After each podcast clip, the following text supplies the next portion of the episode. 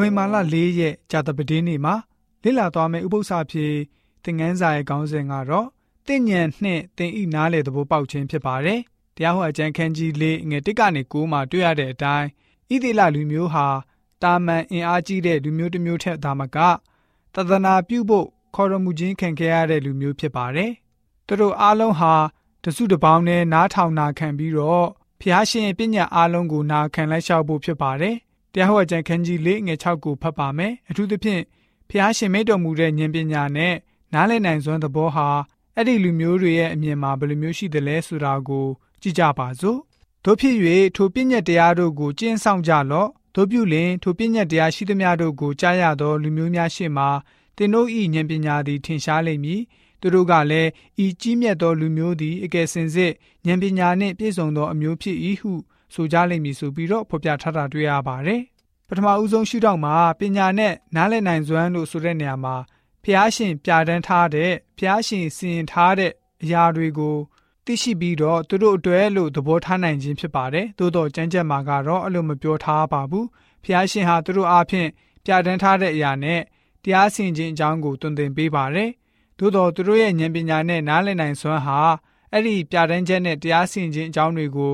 နှလုံးသွင်းလိုက်လျှောက်ခြင်းအပေါ်မူတည်နေပါတယ်။သူတို့ရဲ့နာခံခြင်းဟာ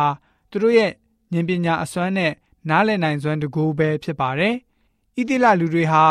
ပညတ်တော်နဲ့ဆိုင်ပြီးတော့အံ့ဩဖွယ်ကောင်းလောက်တဲ့စီးစနစ်တွေရှိပါတယ်။ဒီကမ္ဘာလုံးကသူတို့ရဲ့ပညတ်ချက်နဲ့လိုက်လျှောက်ကျင့်ဆောင်ပုံကိုအထူးလေးစားကြရပါတယ်။ ဘလောက်ပဲကောင်းလာပါတယ်ဆိုတဲ့ပညတ်တော်စီးမြင့်ကိုဣတိလလူတွေအနေနဲ့မလိုက်လျှောက်ခဲ့ဘူးဆိုလို့ရှိရင်တော့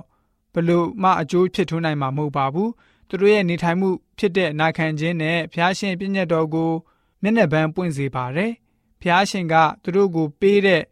ပြည့်ညတ်တော်အတိုင်းလိုက်လျှောက်အသက်ရှင်နေထိုင်ကြဖို့ဖြစ်ပါတယ်။တခုတည်းသောသူတို့လုပ်ရမယ့်အရာကတော့ဖျားစကားကိုနားထောင်ဖို့ဖြစ်ပါတယ်။ဣတိလလူတွေဟာ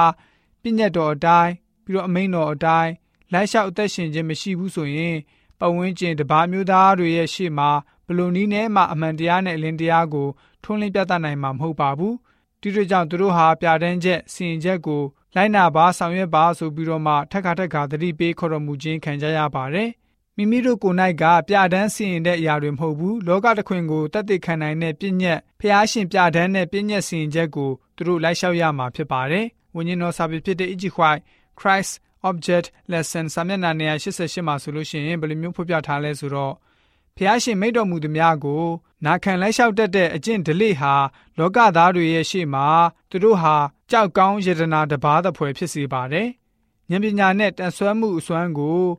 ပေးစွမ်းနိုင်တဲ့သူဟာလိမ္မာပါနဲ့စွာအလွတ်လွတ်ကင်တတ်ဖို့တင် जा ပေးတဲ့သူတွေရဲ့ဆရာပဲဖြစ်ပါတယ်။ကိုရောရဲ့ပြည့်ညတ်တော်ကိုနာခံလိုက်လျှောက်ခြင်းကြောင့်ကိုတော်ဟာသူတို့ကိုချီးမြှောက်ပြီးတော့ တာ၍မြင့်မြတ်ခြင်းအခွင့်ကိုပေးတော်မူပါတယ်။သူတို့ဟာ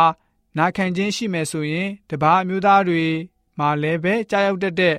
ယောဂဗျကာလနာမျိုးကိုဖျားရှင်ဟာစီတာပေးပြီးတော့ကိုယ်ကာယခွန်အားနဲ့ဉာဏ်ပညာတကူကိုထပ်လောင်းပြီးတော့တွန်းလောင်းပေးမှာဖြစ်ပါတယ်။ဖျားရှင်ရဲ့တကူတော်ဖျားရှင်ရဲ့ကြီးမြတ်ခြင်းနဲ့အာနုဘော်တော်ဘုံတကူတော်တွေဟာ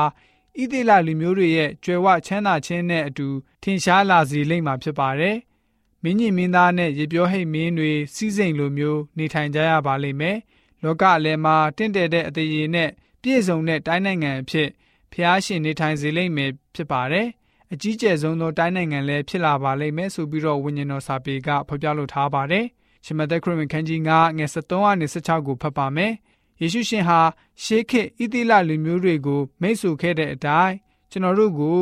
ယနေ့ ဘယ်လိုမျိုးအလင်းထွန်းလင်းကြဖို့မိန့်မာခဲ့တယ်လဲဆိုတာကိုကြည့်ကြပါစို့။သင်တို့သည်ဤလောကဤစားဖြစ်ကြ၏စားမှုကအငံကင်းပြောင်းလေငံသောအရာသာကိုအဘယ်သို့ရပြန်မည်နည်းပြင်သို့ပြစ်လိုက်၍ကြော်နှင်းခြင်းမှတပါအဘယ်အတုံးမြမဝင်သင်တို့သည်ဤလောကဤအလင်းဖြစ်ကြ၏တောင်ထိန်၌တည်သောမြို့ကိုမကွယ်နိုင်စီမီထွန်း၍တောင်စလားအောက်၌ဖုံးထားလိမ့်မရှိအိမ်သူအိမ်သားအပေါင်းတို့သည်အလင်းကိုရစေခြင်းကစီမီခုံပေါ်မှတင်ထားလိမ့်ရှိ၏ ထိုနည်းတူသူတစ်ပါးတို့သည်တင်တို့၏ကောင်းသောအကျင့်ကိုမြင်၍ကောင်းကင်ဘုံ၌ရှိတော်မူသောတင်တို့အဘ၏ဂုဏ်တော်ကိုချီးမွမ်းစေခြင်းက